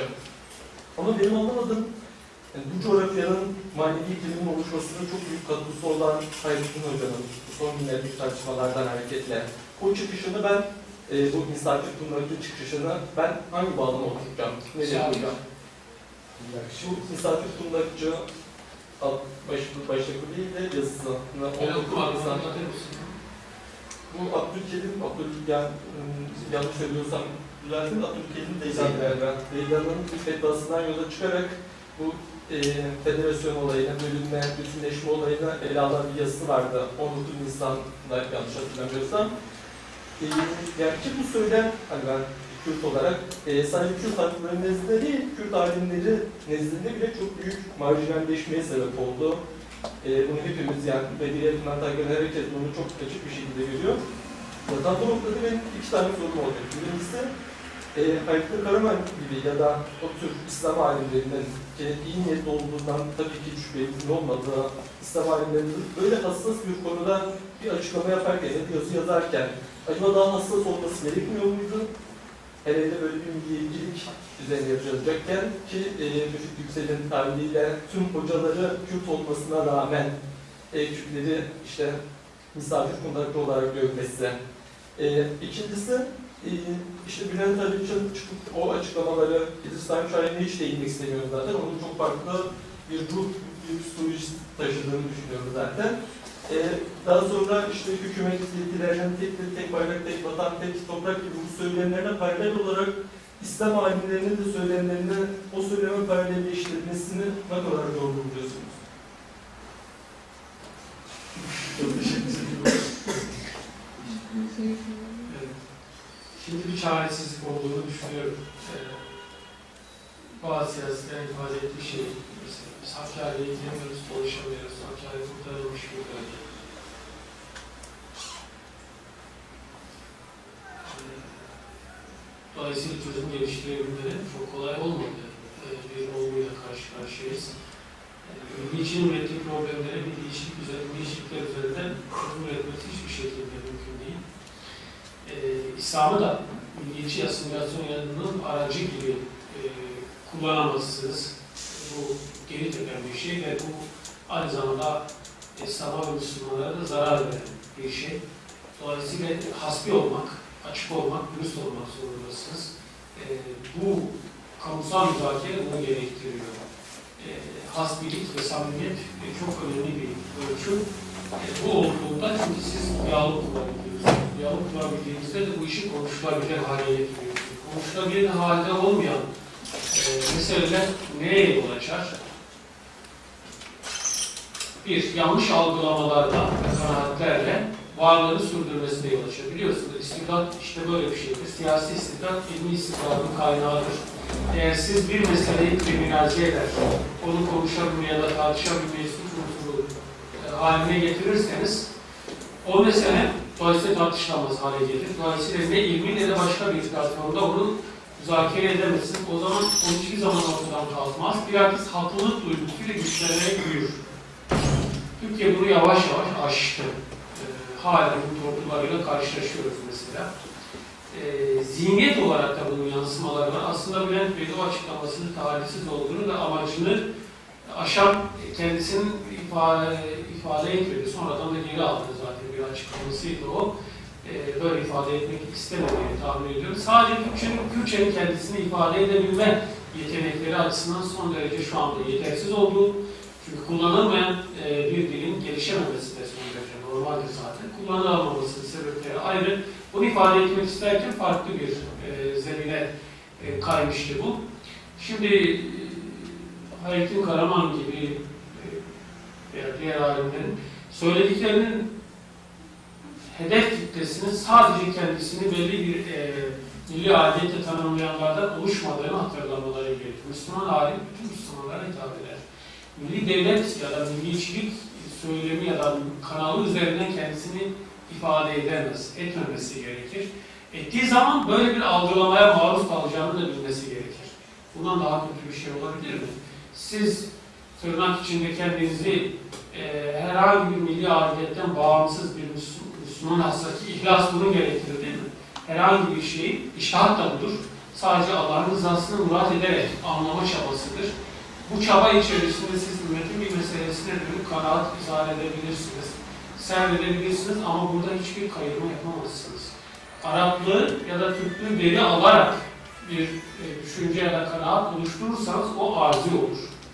İhlas esprisinden uzak olur. Allah'ın rızasını gözetmekten çok belli bir konjonktürdeki siyasi çıkarları gözetmek gibi bir sonuca e, ulaşabilir ve absürbede yani reaksiyona yol açar. Karşılık bulamazsınız. Karşılık bulamadığınız gibi siz isteseniz de istemeseniz de temsil etme makamında olduğunuz değerlere de çok ciddi şekilde zarar vermiş olursunuz. Onun için tırnak içinde Müslüman alim olarak adlandırdığınız kişilerin sorumlulukları bu açıdan çok daha büyüktür. Türkiye'deki bir Müslüman alim etnik kimliğinden bağımsız olarak hem Türk'ün hem Arap'ın hem Kürt'ün hem Çerkez'in Müslüman alimdir. Hepsini göze- gözetmek zorundadır, düşünmek zorundadır. Ama milli kimlik ya da devletin ilkeleri ve kabulleri üzerinden hareketle kendisini ifade ettiğinde çok ciddi açmazlarla karşı karşıya gelebilir. Söylediği saf doğru olsa bile milliyetçi bir ambalaj içerisinde e, sunulmuş olacağı için reddiyeyle karşılaşabilir. Toplumsal barışı hatta dini, din üzerine dinamitleyebilir. Oysa İslamiyet her zaman için, her zaman için bizi bir araya getiren bir unsurdur, ayıran bir unsur değildir. Bu şekilde dönüştürücü söylemler maalesef herkese zarar verir.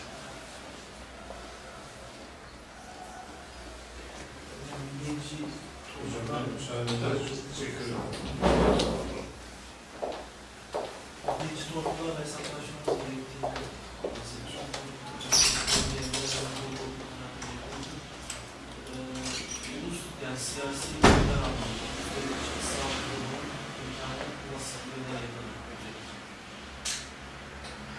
Evet, biz zamanın üzerine çıkamıyoruz. Dünyaya uzaydan henüz bakamadık. Baksak bunun müthiş bir farkındalık oluşturacağına inanıyorum.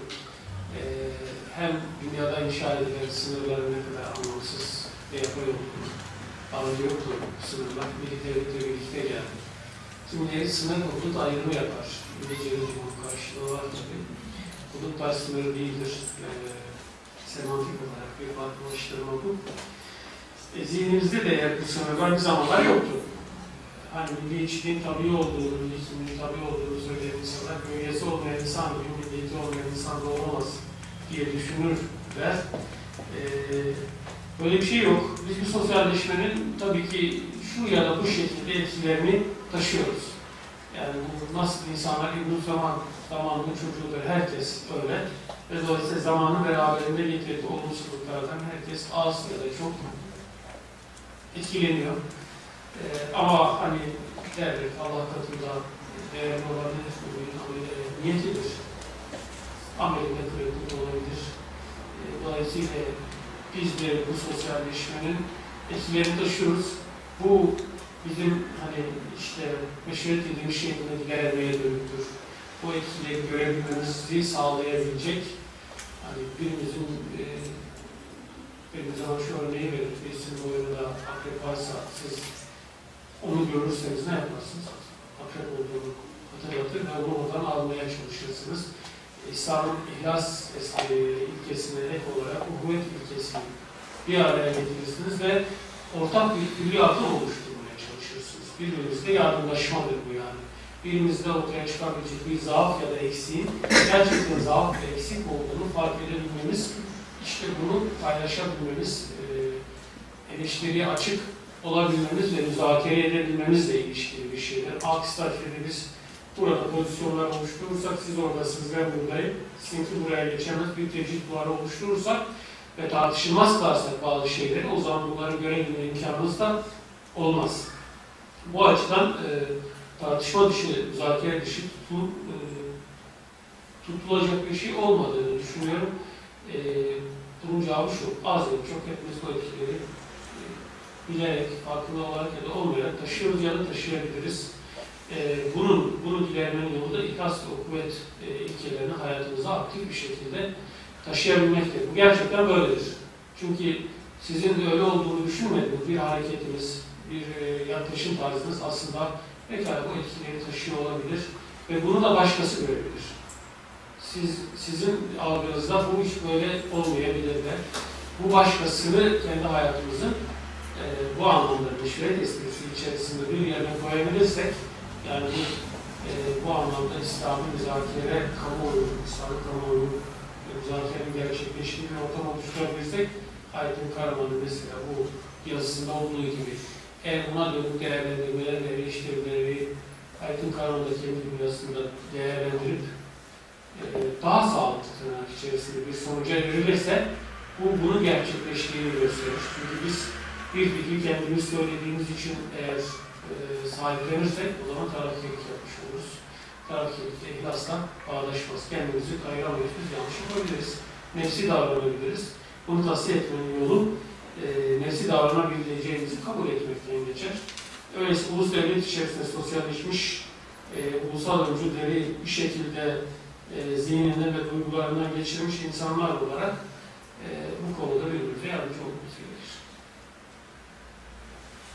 Hocam, e, belki biraz varsayım üzerinden de bir soru, bir soru olacak ama milliyetçiliğin temel sorunu ortada.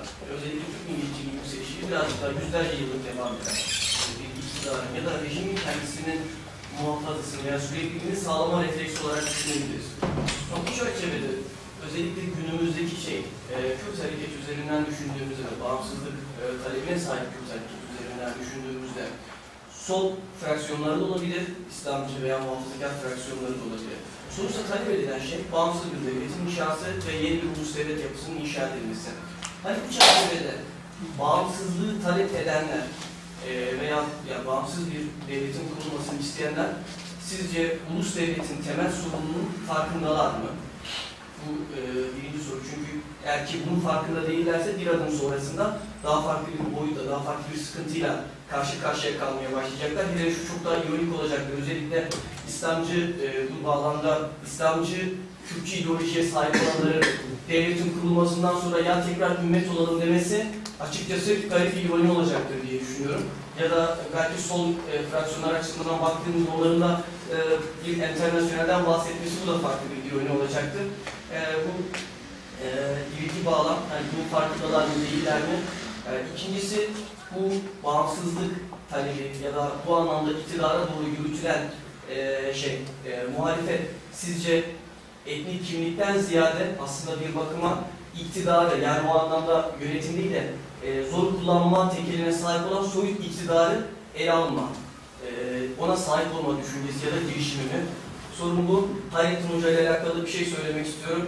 Biraz harcandığını düşündüm Hayrettin Hoca'nın çünkü o yazısında Abdülkerim Zeydan'ın Kerkük'ün Irak'tan ayrılıp e, Kürdistan'a bağlanmasıyla alakalı olarak e, şey yapmış, ya fetvasına yönelik bir atıfta bulundu. Zeydan orada Kerkük'ün Kürdistan'a bağlanma taleplerinin e, şey olmayacağını, mümkün olmadığını, bunun tefrika olduğunu, çünkü dini açıdan bakıldığında bunun bölücülüğe götüreceğini ve caiz olamayacağını ifade ediyor. Çünkü ortak noktamız bizim dindir diyor. Buradan hareket ederek e, şeyde e, siz söyleyin Hayrettin Karaman Hoca da Zeydan'ın e, bu şeyine, bu fetvasına bizde bir katkı yaparak hani bugün insan haklarını kullanarak veya işte bir bağımsızlık talebinde bulunan bazı kimseler var. Yani bizim ortak noktamız din. Bu noktada e, eğer ki bu dini şeyi boyutu ortadan kaldırıyor ve biz bunun ötesine geçerek bir şey istiyorsak, bir e, talepte bulunuyorsak ve bu tefrikaya yol açacaksa bu caiz değildir diyor. Hani bu anlamda Türkiye, hele de Türkiye'deki Kürdistan bölgesiyle veya Türklerin talepleriyle Zeydan'ın açıklamasının hiçbir alakası yok.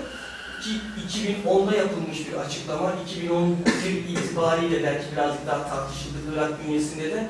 iki yılda gerisine dayandığında Aydın Hoca ile alakalı yeni yazmış, o da birilerine cevap vermiş. Özellikle dini kullanarak bir bağımsızlık talebinde bulunan bazı kimselere bir cevap vermiş. Yani bunu da altını çizmek istedim sadece. Birinci kısımla ilgili olarak şunu söyleyeyim aslında bir kitap kendi başına bazen amaç haline geliyor ve anlamını tamamen yitiriyor. Bağımsızlık yoluyla elde edeceğiniz yeni bir ulus devlette insanlık durumu nasıl değişecek? Soru şu, bağımsızlıkla elde, elde edebileceğinizi, düşün- elde edebileceğinizi düşündüğünüz hedefleri olumsuz gerçekleştirebilmeniz mümkün değil mi? Türkiye'de mesela federasyonu savunanların hiçbirisine federasyonu bilmediğini söyleyebilirim.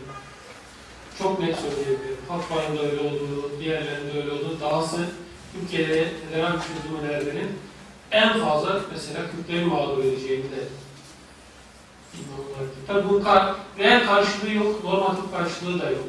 Son derece ilginç bir şekilde. Bağımsızlığın da kendi başına bir değeri yok. Bunun için bir müzakere, serbest müzakere ortamının oluşabilmesi çok çok önem taşıyor. Beraber yaşamanın seçeneklerini tartıştığınızda, müzakere ettiğinizde e, bunun sıfır toplamda bir oyun olmaması gerekiyor. Birisi kazanırken diğerinin kaybettiği algısının oluşmaması gerektiğini e, ve toplum olarak bir arada daha iyi bir hayat yaşayabilmenin imkanlarını serbest bir şekilde tartışmak gerektiği gibi bir sonuca e, ulaşıyoruz. Ama mevcut süreç rasyonel süreç değil. Ee, sadece yerli dinamiklerle de devam eden bir süreç değil. Dolayısıyla bağımsızlık, federasyon ya da birlikte yaşamanın herhangi bir e, opsiyonunun e, hangisinin daha makul e, kabul edilebilir, tercih edilebilir olduğunu e, tartışılması zaten çok sağ, sağlıklı bir duruma işaret ediyor. Bu noktaya gelindiğinde e, ulusluğun ne dediğini, ne dediği ideolojik olarak çok fazla önem taşıyor. Sonuçta bir e, PKK açısından düşünürsek bu şiddetle siyasallaşmış farklı güç dengelerinin kombinasyonunun e, olduğu bir takım stratejik amaçlarla kendisine yüklendiği sadece Kürtlerin çıkarlarının e, gözetildiği bir hareket olarak algılay- algılayamayacağımız ama kendisini böyle ifade ediyor. Çünkü 94'e kadar kendisini sosyalist olarak ifade ediyor bir hareketin 94'ten sonra bunu reddettiğini ve milliyetçi bir bağlam içerisinde kendisini ifade etmeye başladığını görüyoruz. Ee, o zaman bağımsızlık rasyonel, ne kadar rasyonel bir seçenektir, seçenektir ve bağımsızlık gerçekleştiğinde ve hani, hayvanların doğuştan gelen bir e, dili vardır. İngiliz de onunla anlaşır, Arapça konuşan da anlaşır, Afrika dillerde birbirine konuşan her yerde köpek aynı köpek, kedi aynı köpektir. bir şeyin formu değiştiğinde sosyal e, teoriden hareketle ne değişecektir? İçeriği yine tartışmaya devam edeceğiz. E, hiçbir şey değişmeyecek. Yani kıyafetimizi değiştirelim. Aynı problemlerle yine karşı karşıya olacağız ve bunu bunları tartışmaya devam edeceğiz. Ama bunu yaptığımızda bu kıyafet hatırına nelerden vazgeçiyoruz? O değerlendirmeyi yaptığımızda bunun hiç de rasyonel bir hesap olmadığını, milliyetçiliğin aslında herkesin kaybettiği bir oyun olduğu sonucuna ulaşırız. Ama güçlü olan kendi çıkarını diğerlerinin pahasına devam ettirmek istiyorsa orada zaten biz adalet aramıyoruz. Ee, insanın durumunu iyileştirilmesi gibi bir şey aramıyoruz. İsrail mesela böyle bir pozisyon olsaydı kendisi çok daha kendisini e, emniyette hissedebileceği çok daha sağlıklı bir barışçı ortama ulaşmak mümkündü. Ama böyle bir amaç yok ki. Güçlü olan doğruyu ve hakkı tanımladığı ve bunu kendisini için gerek, e, uygun gördüğü sürece sizin zaten e, hani bu etik soruları seslendirmeniz çok fazla bir anlam taşımıyor. Dolayısıyla bu sorular gerçekten de etik açıdan e, önemli sorulardır. Ama şiddet ve iktidar hesapları e, ideolojiyi de bir anlamda araçsallaştırıyor. Bu bakımdan bağımsızlık da tam Kürdizmde, efendim, e, federalizmde ve diğer opsiyonlarda e, hangi amaçlara ulaşmak açısından kısıtları ve avantajlarla birlikte değerlendirilmesi gereken, altında tabii konuşulması gereken hususlarda zaten açıklık, e, hani Thatcher Irak terörü bağlamında şey demişti, demokrasi oksijen, oksijen çadırıdır.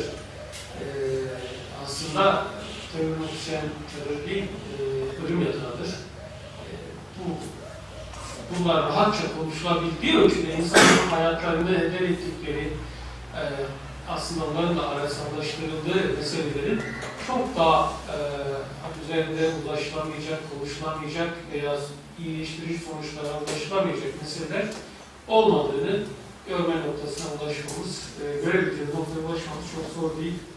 Urca ortamına yakın olduğumuz.